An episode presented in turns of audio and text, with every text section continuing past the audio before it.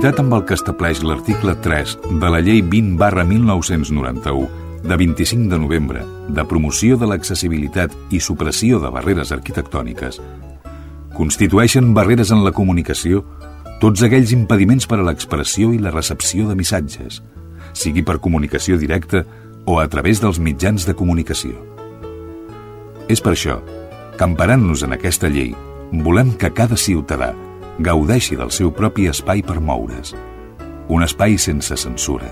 Un espai en què vosaltres sigueu els protagonistes. En definitiva, un espai per tothom. Benvinguts a Espai Vital. Ben trobats a la sintonia de la vostra ràdio municipal. Si ens escolteu a través del sistema convencional de ràdio a l'altra banda de l'aparell, sigueu doncs benvinguts, repetim, o si ho feu per internet a través d'alguna plana web d'alguna estació radiofònica, també benvinguts, benvingudes. L'Espai Vital és una coproducció de les ràdios municipals de Barberà del Vallès, de Ripollet, de Montcada i Reixac, de Sabadell, de Cerdanyola i de Santa Perpètua de Mogoda. És un espai que vol fer protagonistes les persones, així, en gran, en majúscules, remarcant-ho, tots i totes som protagonistes. Avui l'Espai Vital el farem possible les vies tècniques en Jordi Puy, que és qui s'encarrega que això funcioni, rutlli i ho escoltem. Tenim davant dels micròfons a la Teresa Diviu, la nostra cuinera adaptada. Bon dia, Teresa. Bon dia a tothom. Tenim també a l'Alfredo Ángel Cano, que és el nostre cercador particular. Bon dia. Hola, bon dia, què tal? I vosaltres, a l'altra banda de l'aparell, davant del micro, qui us parla, doncs Jordi Jorba, i qui ens il·lumina sempre, des de la distància o des d'aquí al costat mateix, en Xavier Casas. Avui, en aquest programa que encetem, tindrem els següents continguts. Parlarem d'astronomia accessible, parlarem d'un espai dedicat a l'observació de cossos, cossos celest que està preparant tot un treball amb la ONCE perquè persones amb discapacitats visuals puguin gaudir dels astres com tothom. Tindrem oportunitat de conèixer detalls de la marató. En Xavi Casas, que no és allò, diguéssim, cada dia que toca Espai Vital en directe, però que no ha deixat mai d'estar vinculat al programa, ni nosaltres que el deixem que se'n vagi, doncs ens ha preparat una entrevista amb Cristina Muñoz, que és la responsable de la Marató de TV3. Recordeu que està dedicada a les malalties rares, les malalties que tenen molt poques persones. També a la cuina, com us deia, la Teresa ens la portarà ben servida, ben preparada. Teresa, avui què farem?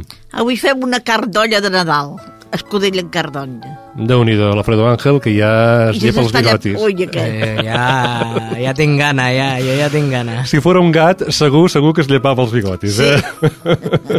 a més a més, tindrem l'oportunitat que ens acompanyi en Xavi Casas, que ens parlarà d'una situació molt especial, molt especial que ha viscut l'associació Ràdio Espai Vital, que és la responsable d'aquest programa de ràdio i també d'un blog. Com sempre diem i com sempre diu l'Alfredo Ángel Cano, el blog, si anem al Google, doncs posem Espai Vital, surt automàticament aquest blog de l'associació Ràdio Espai Vital. Tindrem cròniques de les ràdios municipals que coproduïm aquest programa per a saber doncs, què és el que passa a aquestes ciutats germanes del Vallès Occidental.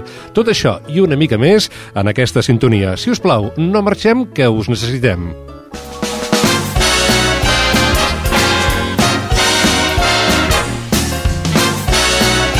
Espai Vital, el primer programa adaptat de les zones.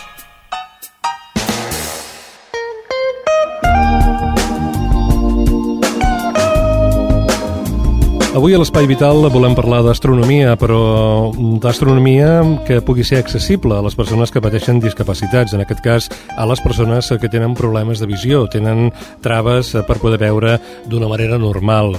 Volem parlar d'una iniciativa que ha engegat l'Observatori de Castelltallat amb la col·laboració de la ONCE, l'Organització Nacional de Cecs d'Espanya.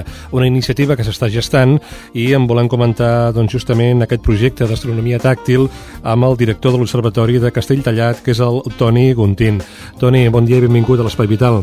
Hola, bon dia. Uh, Toni, una iniciativa que vol acostar l'astronomia a les persones amb discapacitats visuals, amb persones que no poden veure bé. Explica'ns una mica com neix aquesta idea de fer accessible l'astronomia a tothom, i especialment als cecs o persones que no veuen bé. Bueno, mira, de fet, eh, jo ara fa dos anys que estic amb la gestió de l'observatori, quan vaig començar uh, la meva tasca, vaig fer un programa d'activitats i tot pensant possibilitats de divulgar aquesta ciència, que és una cosa que a mi m'agrada molt i m'interessa, uh, vaig pensar en la possibilitat de, de que aquest col·lectiu uh, pogués, pogués gaudir-ne, eh? ja que d'entrada és una ciència que amb ells els està absolutament negada perquè és eminentment visual i aleshores vam pensar en la possibilitat d'adaptar-la. Eh? En un principi amb una idea molt més senzilla que, evidentment, quan ens hem posat a la feina ha anat creixent, ha anat, ha anat complicant-se. Eh? Uh -huh. Actualment està doncs, en fase de desenvolupament aquesta idea. Sí. Uh, suposo que, mm, és clar, allò que no es pot veure amb els ulls uh, s'ha de poder tocar amb les mans, no sé si escoltar també, suposo. Uh, una mica, doncs, uh, la cosa està en trobar de quina manera poden percebre el màxim d'informació les persones que no veuen a través de l'ús d'altres sentits. Clar, aquí està el tema. Nosaltres vam començar amb la idea de fer com una mena de volta estelada, eh, amb una semiesfera d'uns 40 centímetres de diàmetre, que hom es posava sobre la falda. Eh? Però aleshores vam fer un model i el vam anar a tastar a la delegació de Terrassa de la ONCE, que és allà on ens va, on ens va dirigir la ONCE, i eh, el, el seu director, el Xavier, ho va tocar i va veure que realment tanta informació comprimida en una esfera tan petita eh, pel, pel seu tacte era, era gairebé invisible, o sigui, no, no la podia llegir bé. Eh? Aleshores, a partir d'aquí, eh, va començar un treball de, de, de recerca de com, de com fer-ho i, en essència, és la, doncs mira, l'activitat que nosaltres fem normalment aquí per la gent, normal, per la gent vident, diguéssim, eh, fem una, una xerrada introductòria que és potser on l'observatori posa més, més Eh, és una xerrada que ve amb un suport visual molt bo, que a més a més és de lliure utilització per, per internet i nosaltres en fem molt ressò, són un parell de programes que corren per internet i un se'ls pot baixar al seu ordinador i aleshores el, el planetari tàctil ha acabat sent una llibreta de vuit fulls on cada un dels fulls pas a pas ens va explicant aquesta xerrada. Uh, el tema és que parlem de diferents objectes del, del, de l'univers, de com neix i com mor una estrella, etc etc. i uh, cada una d'aquestes fulles, d'aquesta llibreta que es diu Astronomia tàctil, és un d'aquests objectes que, que l'invident pot tocar i pot reconèixer. Eh? Uh -huh. uh, si alguna persona vol connectar a través d'internet amb l'Observatori pot adreçar-se doncs, uh, a l'adreça, valgui la redundància, que dic a continuació, http dos punts barra barra 3 b baixes dobles punt observatoricastelltallat.com uh, Escolta, dèiem, dèiem doncs, que està en fase de desenvolupament aquesta idea, aquesta llibreta sí. tàctil, uh, tot aquest material, um, quan parlem de fases, és que la cosa ha d'anar més enllà, voleu explorar bueno, més possibilitats? Sí, tant. Tu abans precisament has parlat d'elements de, de, sonors, eh? i això també és una cosa que incluïm, ja que la lectura tàctil és molt més lenta que la visual, evidentment. Aleshores, amb això ho hem enllaçat amb un altre projecte que hem fet aquí a l'Observatori, que està en peus perquè és una edició que es vol fer cada any. Es diu Eclíptica, és un concert de música electrònica i, i astronomia. Aquest any han, han fet dues residències i han actuat aquí un, el Santiago La Torre, que és un, molt bon músic de música electrònica a Catalunya, i la Nica, eh? i aleshores eh, amb, amb el, es traurem un extracte d'aquestes aquest, músiques que ells van, van crear arrel de la seva residència i aquests petits extractes seran els coixins musicals, els suports musicals d'aquesta activitat d'astronomia tàctil. Uh -huh. Nosaltres ara, fins ara hem fet aquest primer llibret d'astronomia tàctil que refereix al cel profund, o sigui, tot el que són el buit còsmic, el cel estrellat, eh, les nebuloses, els cúmuls oberts, els cúmuls globulars i les galàxies, però ara això ho estem treballant amb un artista que es diu Jordi Girvent, és un, un artista paisatgista, un home enamorat del paisatge que, que alhora també està especialitzat en, en crear motllos i fer petites sèries, i ara el Jordi es posarà a treballar amb el tema de planetes. Eh? També farem els planetes un a un, des de Mercuri fins a Neptú, i després també està previst en una fase molt més llunyana, que encara, de fet, encara hem de trobar recursos per fer-ho, és aquella volta estelada que t'he explicat abans, però de dos metres de diàmetre, serà una cúpula on un es podrà posar a l'interior i amb les dues mans poder tocar tot el firmament estrellat. Uh mhm. -huh. Aquí és on nosaltres considerarem que l'activitat eh, astronomia tàctil estarà acabada, tot i que es presentarà abans de crear aquesta cúpula de dos metres. Eh? Tot això també amb un preàmbul, amb, un, amb una mena de, de, de prefaci que ens està ajudant a l'Institut Català de... de, de ara no em surt la paraula, l'Institut de, de bueno, ara, el cartogràfic, això no en sortia la paraula, eh, ells ens proporcionaran un plano de Catalunya en relleu, eh, un plano de la Serra de Castellar en, en relleu, i aquestes dues peces seran, eh, seran acompanyades amb una maqueta del turó allà on està l'observatori situat, perquè també els invidents que ens puguin venir a veure abans de començar amb l'astronomia es puguin eh, situar on és Castelltallat dins del paisatge de tot Catalunya. Eh? I això Mhm. Serà al final tota l'activitat sen- sencera d'astronomia tàctil. D'això et preguntarem al final, per si hi ha algú que ens escolta que hi vulgui anar, que pel que Sí. estàs explicant és d'allò més eh, recomanable, però parlaves de música i feies referència a música electrònica. Jo pensava eh, ara, doncs, eh, amb, eh, amb pel·lícules com Odissea Espaial, per exemple, eh, mm, pel·lícules on, eh, en lloc de la música electrònica, s'utilitza música clàssica. Eh, és que potser eh, la música ha de ser d'una determinada manera per donar idea del que és eh, l'univers. Ja sé que parlaves d'artistes residents que creen Sí. música electrònica, però no sé pas si aquesta música és la que més s'hi adiu al, a l'univers o, o, o, o potser no hi hauria d'haver res, perquè si no m'erro eh, hi ha molt poc oxigen i pràcticament el so... No, l'univers no té so. no hi Sí, és, sí, no no hi ha so, no? Sí, sí, sí. Bueno, jo suposo que portar aquí un grup de gent invident i, i convidar-los a, a escoltar aquesta xerrada eh, amb els elements tàctils, com t'he dit, crearia uns buits eh, de temps molt llargs i aleshores fer servir el silenci seria un recurs potser una mica monòton, penso Mhm. jo, eh? I tant que sí. La música electrònica és una música que jo tampoc coneixia en profunditat. Uh, a tots ens sona com a tema així de discoteca i com molt mogut, però hauríeu d'escoltar les creacions que fa el Santiago la, la Torre i la Mica. Són creacions de música realment per estar sentat i escoltar. Uh, té moltes lectures. I evidentment que suposo que qualsevol música uh, seria apropiada per acompanyar uh, aquests elements sempre i quan estigués fet amb una amb un, amb un carinyo especial, eh, evidentment, de, de no voler ferir la oïda de ningú. Eh. Mm. Uh, la música clàssica també seria un recurs, perquè no? Jo en un principi, quan vaig crear tot el, una mica l'esboix inicial de aquesta astronomia tàctil, vaig pensar en els planetes de Holt, eh? però també una, una, una cosa que ens va sorgir va ser en el moment de crear l'eclíptica aquest, aquest any, al setembre, ha estat la primera edició i volem que això sigui un festival d'edicions anual, que, que es faci cada any, va ser el poder donar-los en els músics aquests una raó de, de pes a l'hora de crear. Eh? Un artista, jo no ho soc d'artista, eh? però tinc entès que un artista si té un, un objectiu clar, eh, la creació és més pura, és, és més, es, està feta amb més empenta, no? I bé, així va sorgir la idea.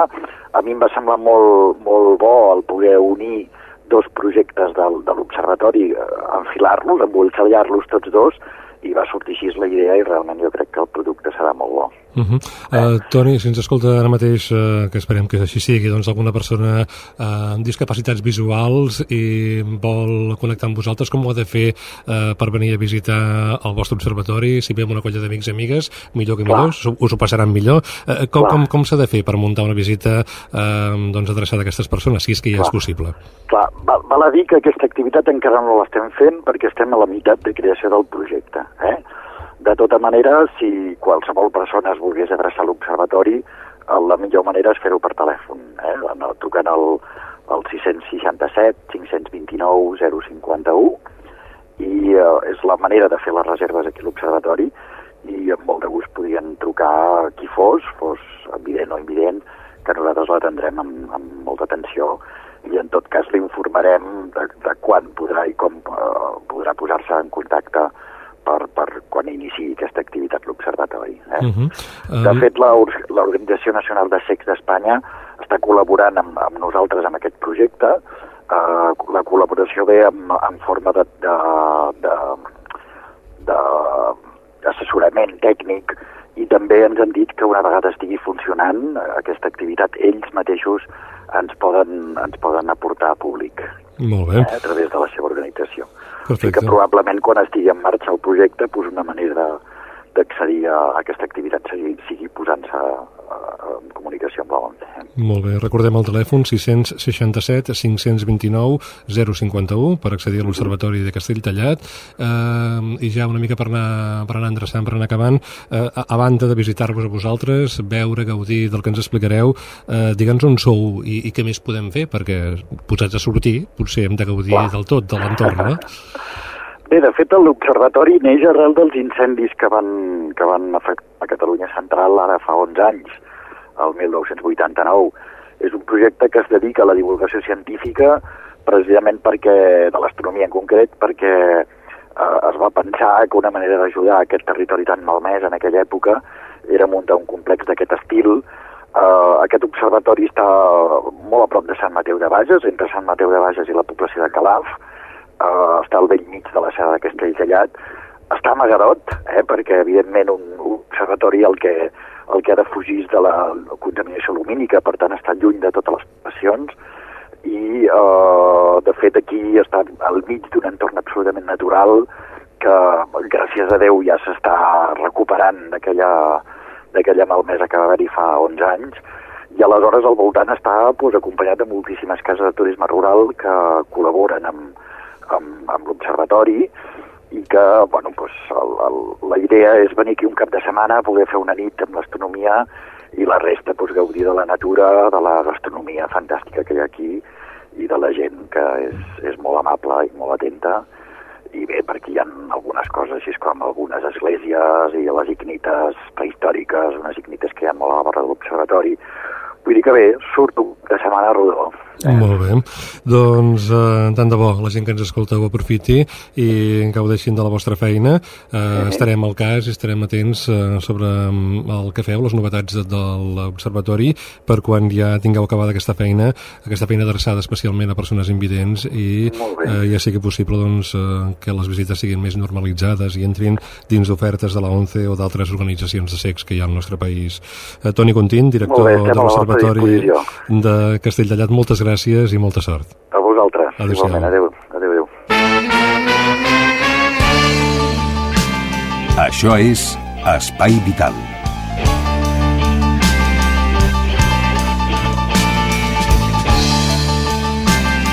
L'Espai Vital és amatent a allò que passa al nostre país i, sens dubte, un esdeveniment que té la televisió com a protagonista és, hores d'ara, potser l'esdeveniment solidari més important d'aquest país petit, nostre país petit, que és Catalunya. Es tracta ni més ni menys que la Marató de TV3.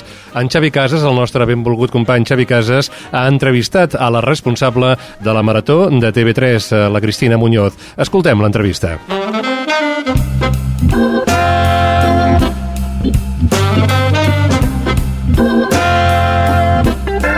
Un any més, la Marató de TV3 arriba a les nostres cases. El proper 13 de desembre, la solidaritat ha de tornar a estar present per ajudar a les persones que pateixen malalties minoritàries. No és el cas de parlar en, avui amb el Xavier Abad, l'antic director de, de la Marató de TV3. Aquest any estrenem a una nova marató, a una nova jefa, una nona, nova líder, directora d'aquest mar marató de TV3. Ella s'anomena Cristina Muñoz i em sembla que està contentíssima aquest any de liderar la marató. Cristina, bon dia. Bon dia. Cristina, eh, com ho tenim aquest any? Doncs bé, ho tenim bé. Uh, com deies tu, estic molt contenta de liderar aquest equip de la Marató, també perquè jo vaig fer la Marató 5 anys anteriorment, és a dir, els dos últims que la va dirigir el Xavi Bat no, però jo n'havia sigut subdirectora durant 5 anys, i ara, diguem, és com tornar-se a trobar amb un vell amic i a sobre dirigint-ho, amb la qual estic molt contenta. El programa està molt bé, està en marxa, està treballant. Com sempre, aquests dies estem ja una mica neguitosos perquè s'apropa el dia i sempre ens falta que ens pensa que falta temps per poder-ho acabar tot com voldríem. Però bé, anem, anem seguint la feina. Molt bé, liderant des de les bambalines, com jo diria, però liderant la marató des de, des de les càmeres de TV3, aquest any tenim un gran conegut, no? Sí, aquest any Aquí presentarà la marató en Josep Cuní, com deia, és un gran conegut per tothom, un professional doncs, que porta molts anys eh, demostrant que és una persona que té un rigor, una credibilitat i una manera de fer doncs, que ens agrada a tots. I que per la marató aquest any, especialment amb la dificultat que hi ha el fet de que hi ha més de 7.000 malalties doncs, que formen aquest gran grup de malalties minoritàries, creiem que el fet de que el Josep Cuní sigui la persona doncs, que liderarà i que donarà joc i podrà informar, divulgar i entretenir dins de la marató, doncs és un avantatge doncs, mm, que hem de tenir en compte i que realment ens anirà molt bé. Què us va fer decidir eh, a l'hora d'escollir el tema d'aquest any de la marató? A veure, el tema de la marató es decideix amb un patronat en el qual hi ha representants, doncs, a, representats a part de les persones que dirigeixen i gestionen la Fundació La Marató, també tot el que és el, el sector eh, mèdic i científic i ells tenen en compte diferents eh, aspectes no? per poder decidir. Entre aquests aspectes, doncs, eh, per exemple, doncs, hi ha el fet de si es pot arribar a fer recerca sobre aquestes malalties, és a dir, és molt important saber que realment després amb els diners que la Marató doncs, recapta cada any es pot arribar a saber doncs, que es podran utilitzar. No? Aquest és un dels, dels, dels criteris. N'hi ha d'altres també, com poden ser doncs, eh, la prevalència, en alguns casos, si és molta o poca, això també té, té, té en compte. També criteris sobre si hi ha grups catalans que puguin fer recerca, perquè a vegades potser fa falta doncs, que n'hi hagi i és possible fer-se'n, però no amb, amb grups que estiguin aquí a Catalunya. No? Es tenen en compte diferents, eh, diguem, eh, ítems, elements, però sempre partint de la crida que es fa a les associacions i a la comunitat científica perquè aporti doncs, idees sobre quin ha de ser. És a dir, s'obre una crida pública, s'aporten aquestes idees, el patronat de la Fundació es reuneix, veu què és el que demana la societat a través de les associacions i la comunitat científica i en funció d'aquests ítems que deien doncs, acaba decidint quin és el tema. El que sí és veritat és que mm, molt poca informació ja ara mateix sobre les malalties minoritàries perquè de fet no s'investiga gaire, no? Exacte. Aquest és un dels temes, clar. Eh, se sap doncs, que no s'investiga gaire en les malalties minoritàries i que és eh, diguem, un problema que creiem que la Marató TV3 pot ajudar, perquè potser un dels temes pels quals no s'investiga és la manca de recursos. Després en pot haver-hi d'altres que se n'han parlat i que són motiu diguem, de discussió, com pot ser la comercialització o no dels medicaments, la dificultat en que, en que els malalts puguin participar perquè són pocs en els assajos clínics, però de fet el que, diguem, el que depèn de la Marató TV3, que és el fet de poder ajudar a que hi hagi recursos doncs és una de les coses també que s'ha tingut en compte, no? Dona'ns un telèfon de participació de la Marató. A veure, eh, jo us recomanaria que el millor, com que hi ha diferents telèfons de participació, és a dir, es pot participar en les activitats, es pot participar doncs, fent-se voluntari, es pot participar també doncs, anant, eh, per exemple, als diferents actes que s'organitza també el mateix dia de la Marató, com a públic també. Jo crec que el millor és ficar-se a la pàgina web de la Marató, que ara us donaré l'adreça, mm. i en allà podreu trobar els diferents telèfons i les diferents maneres de participar. L'adreça de la pàgina web de la Marató i de la Fundació La Marató, que és la mateixa, és www.tv3.cat barra marató. Molt bé, doncs ja ho sabeu, www.tv3.cat barra marató. Molt bé, són molts els, els pobles que aquest any participen? Doncs a veure, en principi hem de dir que, clar, la gent encara s'hi està, diguem, afegint. Uh, la Fundació La Marató de TV3 té una base de dades on tots els pobles es donen d'alta amb les seves activitats, pobles, casals, escoles, i allà poden obtenir també ajuda per uh, gestionar i per, uh, diguem, tenir material relacionat amb la Marató. I, clar, de moment encara la gent encara s'hi està apuntant. Hem de dir que l'any passat van ser més de 1.000 i aquest any, per com van les coses, creiem que encara superarem el nombre d'activitats. Jo crec que cada any la gent mm, té més ganes de participar i creiem que això és bo. I una mica el missatge també aquest any és aquest, que la gent participi de la manera que vulgui, com a públic, fent activitats, fent donatius, eh, col·laborant amb altres actes. És el missatge, participar, participar i participar. Us fa por la situació econòmica, parlo de la crisi que tenim en aquests moments al nostre país? Doncs mira, mm, just m'agrada que faci aquesta pregunta perquè just va molt lligada amb el que deia participar. Eh, nosaltres, quan n'hem parlat eh, entre nosaltres i fem aquesta reflexió, diem, a veure, la crisi econòmica hi és i existeix i nosaltres, diguem aquí, la Fundació la, la Marató de TV3 i ni TV3 el programa, no tenim, diguem, eh, manera de canviar això. És a dir, no, no podem incidir. El que sí podem incidir és en que la gent participi, que en realitat també és l'objectiu. Quan la gent truca i dona uns diners, els que siguin, 2 euros, 5 euros, 30 euros, els que siguin, està participant. I creiem que això és el més important. Hi haurà gent que podrà participar en fer una donació hi haurà gent que podrà participar d'una manera. Hi haurà gent que donarà més o donarà menys, però l'important és que la gent participi. No podem nosaltres, a nivell de la crisi econòmica, fer res més que potenciar que la gent participi i això creiem que serà l'èxit de la Marató. Si per una qüestió econòmica eh, la recaptació és més o menys, eh, és una cosa que podrem valorar mm, millor o pitjor, però que realment ens preocuparia seria que la gent deixés de participar a la Marató o que, com s'ha fet cada any, no participés cada any més. Si més no, una manera d'ingressar diners per la marató, no directament al programa, també pot ser comprar el disc de la marató o el llibre, que aquest any també en surten, no? Doncs precisament el disc i el llibre de la Marató, dius, són uh, parts del projecte, del gran projecte de la Marató de TV3, estan ja preparats, uh, ben aviat diguem es podran adquirir i són, com deies, una manera d'aconseguir fons per a la recerca, però a més a més una manera de tenir també, doncs, en el cas del disc, una banda sonora extraordinària, gairebé de col·leccionista, perquè com sabeu, doncs, són eh, intèrprets que a vegades no han cantat en català i ara canten en català. Per exemple, aquest any doncs, Luis Eduardo Aute cantarà en català, també el José Mercé també cantarà en català.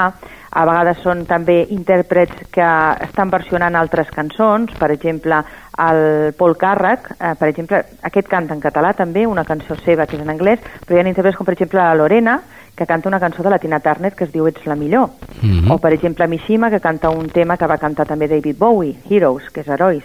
Eh, tots aquests temes fan això que puguis eh, tenir una banda sonora, que et recordi el que és la marató, perquè són valors marató, que a més a més també faci que entenguis a vegades com se sent les persones que tenen una malaltia minoritària, perquè són temes que la lletra va molt lligada amb el que tenen aquestes persones, en com viuen amb, amb, i en com la família els hi dona suport. No? Per exemple, doncs això, herois, doncs, les persones que tenen una malaltia minoritària cada dia han de superar una sèrie de reptes i en aquesta superació és on està realment diguem, aquesta heroïcitat, aquest heroisme que sovint ens sembla que ha de ser per fer altres tipus de coses i en realitat és aquest dia a dia. No?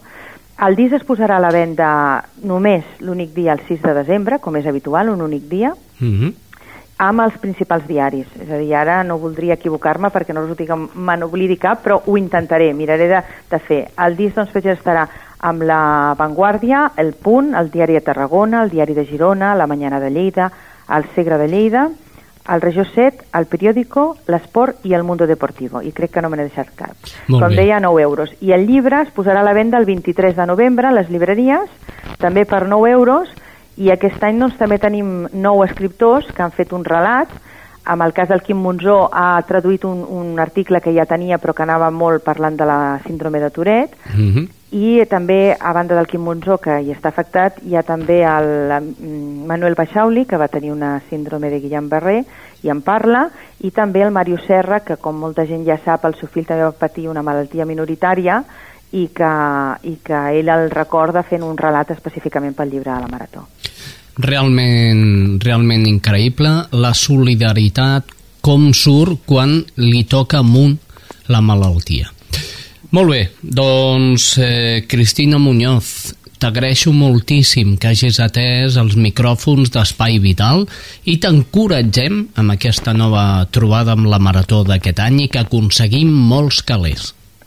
Gràcies a vosaltres, Espai Vital, no només per aquesta conversa que acabem de tenir, sinó també per, pel suport que fa molts anys que sabem que, que ens doneu i que és tan important perquè la Marató al cap i a la fi és un programa de televisió, el Vaixell Insignia és un programa de televisió, però en realitat és un gran projecte, un projecte en el que hi ha això, disc, llibre, eh, web, a Catalunya Ràdio, la Fundació La Marató de TV3 i tots els mitjans de Catalunya que ajuden a que puguem aconseguir cada any aquest èxit que és de sensibilització i també de recaptació. Gràcies a vosaltres. Nosaltres seguirem igual. Cristina, bon dia. Bon dia. Estàs escoltant Espai Vital. Thank you. És el moment de la roda de corresponsals a la nostra comarca, corresponsals o corresponsables, en aquest cas, de fer possible aquest programa de ràdio que recordeu, emetem les emissores municipals de Barberà, Ripollet, Cerdanyola, Montcada, Sabadell i Santa Perpètua de Mogoda. Marxem directament a Montcada Ràdio. Allà ens espera el seu director, Lluís Maldonado, i ens explica com van les vacunacions de la gripa al seu municipi. Salutacions a l'Espai Vital. Els centres de salut de Montcada i Reixac han vacunat 815 persones contra la gripa des que es va posar en marxa iniciar la campanya el 16 de novembre. Davant l'impacte mediàtic que s'ha generat al voltant de la malaltia, els responsables sanitaris locals preveien un allau d'usuaris durant els primers dies, però no ha estat així. El coordinador de l'equip d'atenció primària de Montcada i Reixac, Miquel Barbany, reconeix que la gent està venint a poc a poc i que hi ha qui diu que s'ho pensarà abans de posar-se la vacuna. Des de l'atenció primària es recomana que l'eficàcia del tractament està aprovada, però la decisió és responsabilitat final de l'usuari. Segons les dades locals, la població potencial que a Montcada i Reixac s'hauria de posar la vacuna és d'unes 3.000 persones, però també poden fer el tractament als pacients que venen derivats dels especialistes, com les persones amb sucre. Els dos ambulatoris del centre i de les indianes han habilitat un servei especial per dispensar la vacuna al matí i a la tarda. A Can Sant Joan, per contra, la injecció es posa durant l'horari habitual de visita.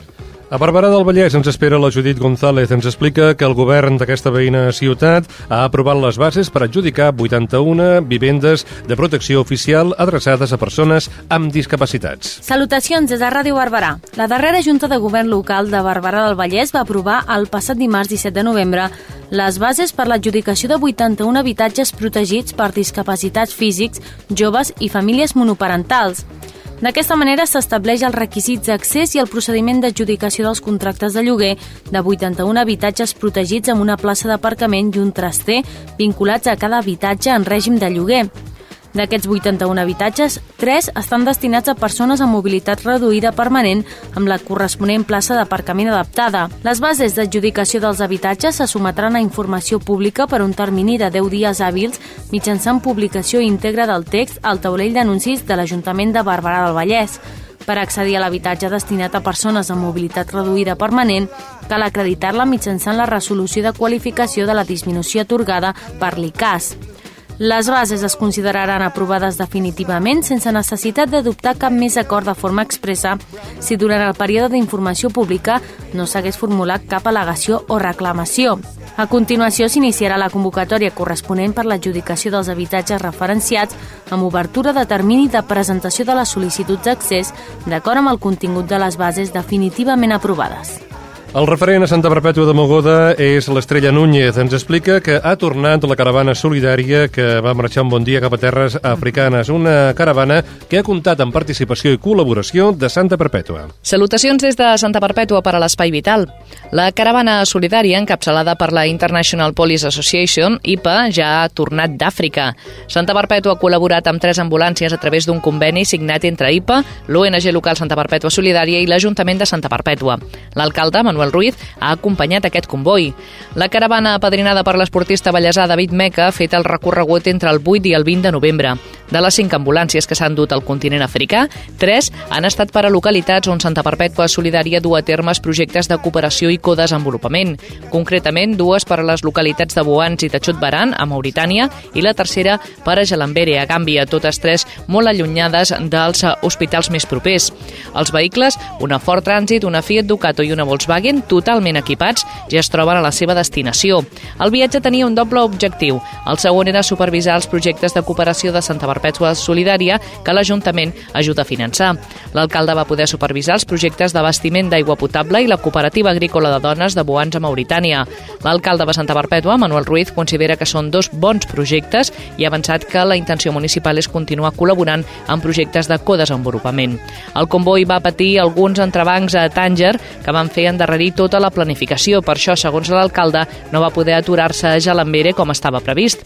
El comboi solidari ha assolit el seu objectiu i ha lliurat les cinc ambulàncies a diferents localitats de Mauritània, Gàmbia i Senegal. IPA, Santa Perpètua Solidària i l'Ajuntament de Santa Perpètua van signar un conveni per portar tres d'aquests vehicles totalment equipats a tres municipis on l'ONG local du a terme projectes de cooperació. L'alcalde Manuel Ruiz ha acompanyat la caravana i ha pogut comprovar alguns dels projectes de Santa Perpètua Solidària que realitza a Mauritània. Això és tot des de Santa Perpètua. Fins la setmana vinent. Avui la informació de Cerdanyola i Ripollet ens l'oferirà la Rosa Morante perquè ni més ni menys ens parlaran de com ha anat a la primera vista del judici de les persones malaltes per amiant que s'ha fet a la ciutat de Madrid. Un judici que té d'especial que són paraules o persones que no havien estat treballadors d'aquesta empresa. Salutacions per Espai Vital des de Cerdanyola Ràdio. El judici dels 48 malalts passius que han interposat una demanda contra l'empresa Uralita ja té data. Serà els dies 17, 18 i 19 de maig de 2010 a Madrid. Tot i que l'acord amb l'empresa no ha estat possible, un dels advocats del bufet Roca Junyent, que representa el col·lectiu, Màrius Miró, fa una valoració positiva del transcurs de l'audiència prèvia celebrada la setmana passada a Madrid, en la que es va decidir la data del judici. Segons Miró, en l'audiència els advocats d'Uralita van defensar com a defecte formal que els 48 litigants hagin presentat una única demanda que englobi tots els casos. No obstant això, el jutge ho va desestimar. D'altra banda, les dues parts implicades també van presentar les seves proves admeses en la seva totalitat i els demandants van presentar els testimonis eh, que de 16 que es defensaven inicialment seran 8 els que compareguin al judici. Els eh, vuit testimonis defensaran la versió dels malalts passius, entre ells representants de les dues principals institucions eh, públiques de Cerdanyola i de Ripollet.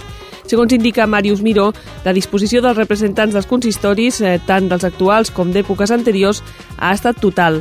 L'advocat indica, indica que ha buscat persones de rellevància, de credibilitat, de les quals estigui avalada per un càrrec. La demanda civil va ser presentada pels veïns de Cerdanyola i Ripollet ara fa un any i mig. Es tracta de persones que mai van treballar a l'empresa Uralita, però sí, en canvi, van emmalaltir per la inhalació de partícules d'amiant, ja sigui per la seva proximitat a la fàbrica o bé per la seva relació amb persones que sí que hi van treballar. Els demandants en reclamen una indemnització global que ascendeix a 5.100.000 euros. I això és tot des de Cerdanyola Ràdio. Tanquem la roda de corresponsals a Ràdio Sabadell. Endavant, companys. Salutacions a l'Espai Vital. Des de Sabadell us expliquem que una vuitantena de famílies separades han fet ús del punt de trobada de la ciutat durant aquest any. L'equipament que serveix perquè els sabadellencs divorciats puguin visitar o recollir els seus fills sense trobar-se amb les seves exparelles ha multiplicat per 5, doncs, la seva activitat des que es va posar en marxa l'any 2002. El portaveu de l'equip de govern, Lluís Monge, destaca la importància d'aquest servei municipal a vegades prou traumàtic pot ser les circumstàncies amb les que viu un infant, prou, prou traumàtic pot ser la, la, la separació o el, el trencament de la, de la família, però si a més a més, repeteixo, s'hi afegeixen altres factors de risc, eh, cal controlar molt bé que aquestes qüestions no, no afectin determinant i negativament en els, en els infants. Eh? El punt de trobada no només ofereix les seves instal·lacions a les famílies derivades pels jutjats de Sabadell. Un psicòleg i un treballador social intervenen cas per cas per pal·liar les seves problemàtiques. D'aquesta manera, sovint, la situació millora i poden deixar d'utilitzar el servei. En aquest sentit, aquest any s'han tancat 45 casos. És tot des de Sabadell.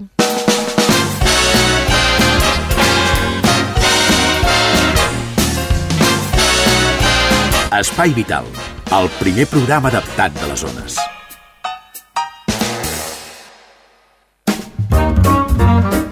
I l'Espai Vital se'n va directament cap a la cuina perquè allà ens hi espera la nostra cuinera adaptada, la Teresa Diviu. També saludar, abans no res, el nostre mm, personatge inspirador d'aquest espai, el creador en Xavi Casa. Xavi. Hola. Bon dia, com estàs? Jordi, què tal? Cansat, vinc, vinc cansat. No estava a l'ombra? Vinc molt cansat, sí. Però bé, eh, una, una mica com els braus, no? Sol, sol i ombra. He molt acabat, bé. he acabat de plorar i després us explicaré el què. Molt bé, perquè avui en Xavi ens acompanya, donat que ens ha de portar, a banda de l'entrevista que abans li hem escoltat, ens ha de portar una informació, una informació de primera mà que volem compartir i tractarem més endavant en altres edicions d'aquest Espai Vital. I no tinc cap més fill. molt bé. Tot tranquil. Doncs, Teresa Diviu, tenim l'escudella, la cardolla preparada això o, anem a preparar-la, anem a preparar-la. Anem a preparar-la, això. Això sí, una olla ben grossa. Perquè això necessita aquest caldo dos o tres hores de foc i que vagi bullint amb, amb paciència. Heu de llevar-vos d'hora i preparar-lo. Perquè el caldo ha d'estar calent, calent, eh? Calent i ha de bullir ah. rato perquè quedi bo. Bé, bé. Pues necessitarem api, porro, pastanaga. Què? Per caldo. Ah, va, vale api, sí. porro, pastanaga. Val, val, sí. Una miqueta, un, un parell de fulles de col, una patata. I això sí, l'aigua que comenci ja el foc a escalfar-se. I poseu el pollastre. Pollastre, pues mira, poseu tres ales de pollastre allò amb la, amb la carcassa, amb la... Sí, amb la carcassa. Amb la carcassa i tot, tres ales de pollastre. I una de, de gallina. Que aquell dia us ha de quedar el caldo bo Gallina vella, gallina vella o gallina jove? De la que trobeu. Perquè diuen que la vella fa bon caldo. Ah, això sí. La gallina vella fa més bon caldo. Això dec fer molt bon caldo, jo. Oh, això ho dius tu, eh? I un dia ens ha d'explicar quina diferència hi ha entre les ales de pollastre i les de gallina, però un altre dia. Però deixem-la parlar, deixem-la Sí, sí. parlar. Bueno, sí, no, m- m- ja... Ja se t'han anat! La, no, Ja hi som! Xavi, dos ossos d'espinada, dos ossos de vedella, després necessitem també un tros de morro de porc, un tros de peu de porc, què més? Un tros d'os de ranci, si no és de ranci, doncs un tros de d'os de pernil, allò de dalt del peu, que és més bo. I a bullir. Com hagi bullit una hora, una hora i mitja, que la setmana passada us vaig ensenyar a fer la pilota i podeu posar la pilota. Quan hagi bullit doncs mitja hora o tres quarts la pilota i podeu posar la patata. Poseu la patata. Això sí, no m'hi han recordat. Si voleu posar cigrons, teniu en compte que el dia abans els heu de posar en remull. Si no, mira, els compreu ja cuits i en acabat quan tanqueu ja l'olla, que ja s'ha bullit tot dues o tres hores, quan tanqueu l'olla també hi poseu una botifarra negra i una de blanca allà. I els cigrons, que ja estan cuits allà dintre. Ja tanqueu l'olla i allò deixeu que es vagi covant una miqueta i quan és l'hora doncs, ho coleu i d'aquell caldo hi poseu galets. I, de, i acompanyeu pues, amb el tall que d'això, el coleu tot i teniu pues, la carn d'olla, pues, la, la patata, els cigrons, tot, i el tall, i teniu, pues, mireu, caldo i carn d'olla. I teniu, pues, s'ha de menjar per dos o tres dies. Tenim, tenim per menjar i per passar-nos-hi hores, eh? Quina pinta. Hores. Comencem a fer allà la... I si agafem una mica de carn picada i farcim els galets i fem aquella sopa... Ah, n'hi ha que sí, no ho havia fet mai, però n'hi ha... Si per comptes de fer la pilota, que ja dic, poseu la pilota, n'hi han d'aquell d'allò, doncs farceixen el, els galets, sí, ja ho sé, ja. déu nhi el meu estómac ho enyora, això, eh? Ja Però... tinc gana, jo ja tinc gana, comencem a fer aquest, aquesta sopa i anem a menjar. Anem, va. va, Molt la bé. setmana que ve donarem el pollastre rostit Ah, això, això li agrada al Freddy, el tema de la Se carn, porta la carn. Fet, eh? Se porta fet. Això. Molt bé, doncs un plat que, que requereix, eh, diguem-ne, no massa feina, eh, però sí temps, molt de temps, sí. i suposo que és bo que el foc no sigui molt intens, un foc no, constant. anar fent, anar fent, anar fent, anar fent, si dos o tres horetes millor. I aquí a Ripollet, o per exemple altres llocs de la comarca, perquè sabem que hi ha companyies eh, que eh, dona l'aigua doncs, eh, del Llobregat o, del, o, o bé del Ter, eh, l'aigua millor de, de garrafa, de l'aixeta... Jo sempre han fet de l'aixeta. Mm. Ah, doncs del Ter. Deia, deia aquí a Ripollet perquè... Eh, Jo no sé d'on te ve. els nostres, els nostres oïdors eh, i oïdores, els nostres oïdors i oïdores eh, em disculpin, enregistrem aquest programa a Ripollet. I a Ripollet l'aigua arriba del Ter, com també a Montcada, però hi ha altres pobles o ciutats que reben eh, l'aigua del Llobregat. Si no m'erro, a Sabadell, gran part de Sabadell rep l'aigua del Llobregat i els gustos no són els mateixos. No, perquè sé que n'hi ha que el fan amb aigua de garrafa. Molt bé. Doncs això el gust, el gust de cadascú. De cadascú, sí. Vinga, doncs gràcies Teresa, nosaltres marxem directament al cercador que avui ve acompanyat. Tenim l'Alfredo Ángel i tenim el Xavi que ens explicaran una història molt bonica.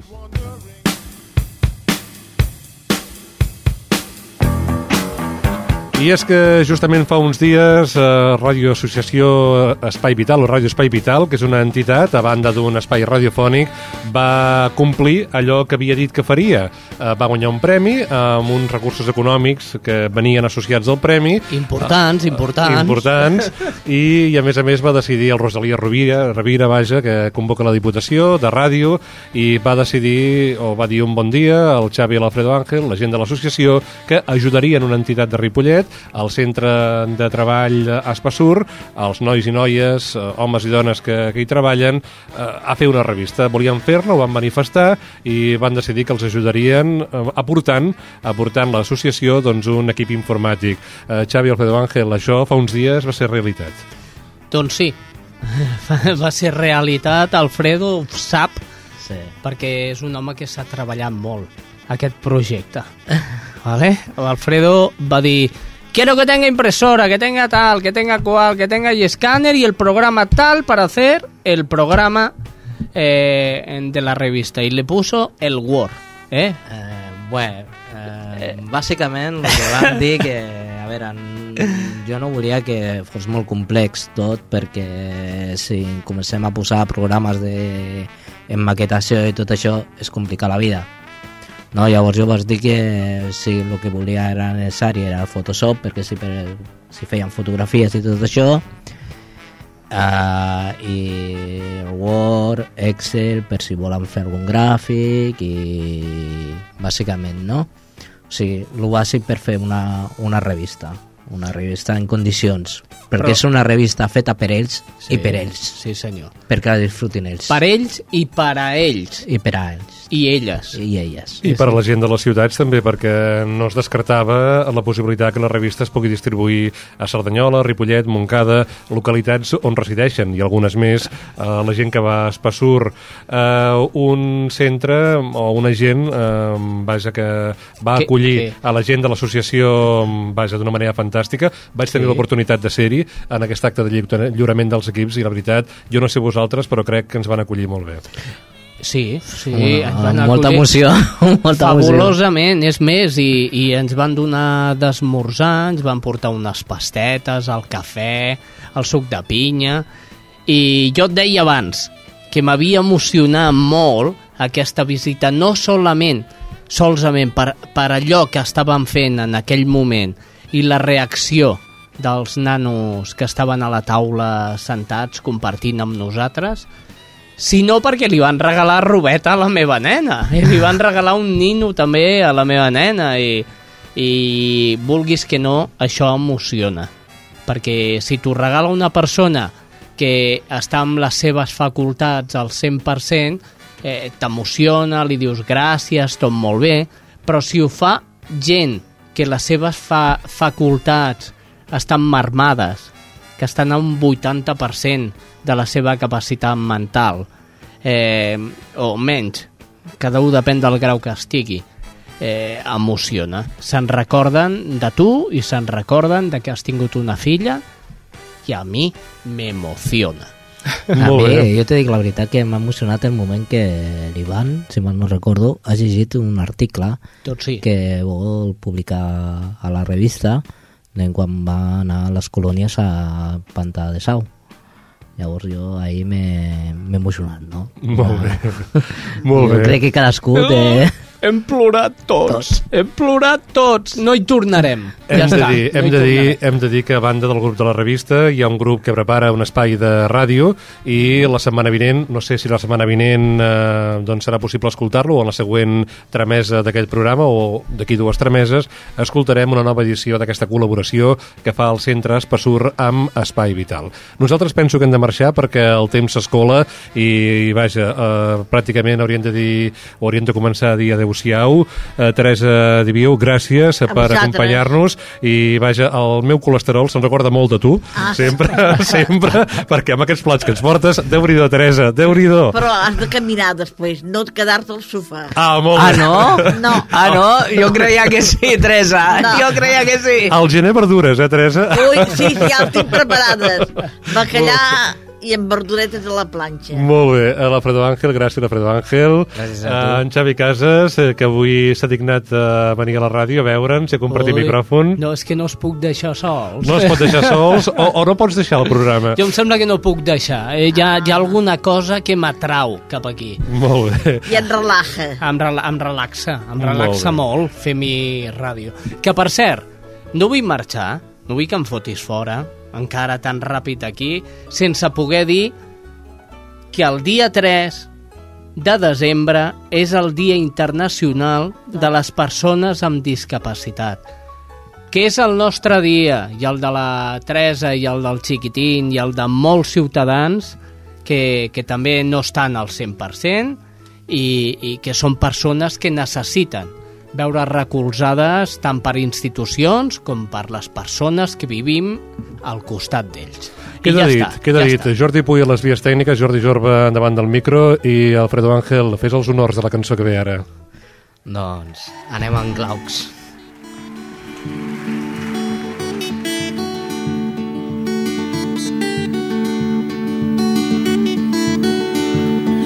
excusar-me per parlar potser de coses sense seny que em faran mal.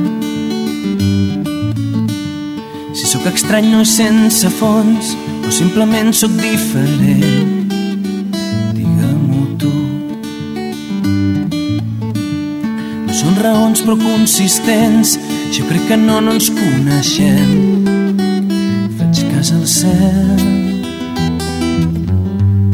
o als teus ulls clars que em fan pensar com sortiré de la foscor.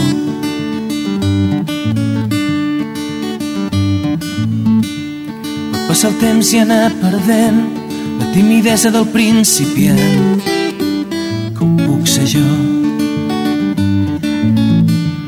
He vist miralls que es van cansant a poc a poc dels meus consells reflexat un llarg camí sense final que és el destí. Fabricat.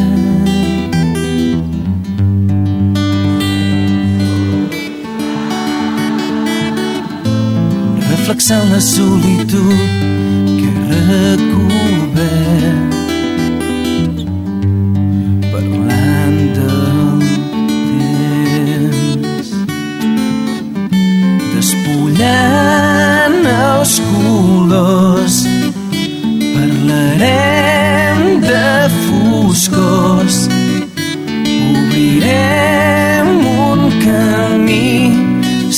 sense oblidar